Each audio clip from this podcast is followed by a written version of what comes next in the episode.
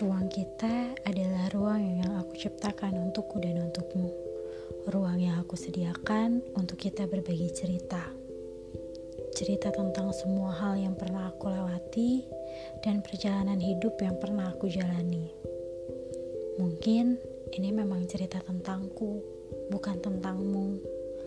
Tapi dari sana aku berharap kamu dapat melihat bahwa sesulit apa pun hidup, pasti bisa kita lewati, asal kita yakin.